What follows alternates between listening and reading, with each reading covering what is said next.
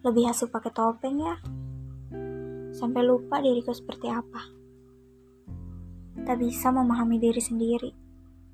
Bahkan gak kenal diriku kayak gimana. Gak tahu apa yang memang diriku inginkan.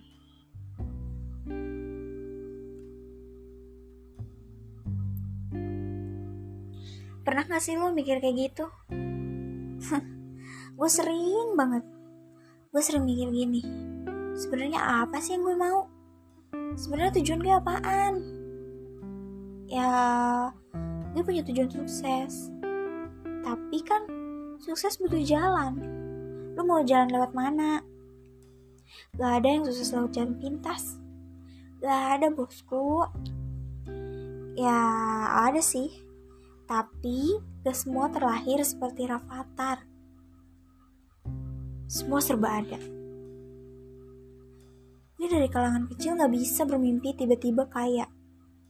Tiba-tiba punya duit seberkabrek. Ya gak mungkin lah. Gue harus kerja keras. Gue harus kerja keras. Supaya apa yang gue mau tercapai gitu. Tapi susah banget Misal nih, misal gue pengen punya rumah, tapi gue cuma bisa nabung sebulan satu juta. Maka kapan kebeli coba? Bingung kan? Atau gue bikin bisnis ya? Jadi ada duit ngalir dong. Ada penghasilan tetap gitu. Tapi gue nggak tahu bisnis apa dan mulai dari mana.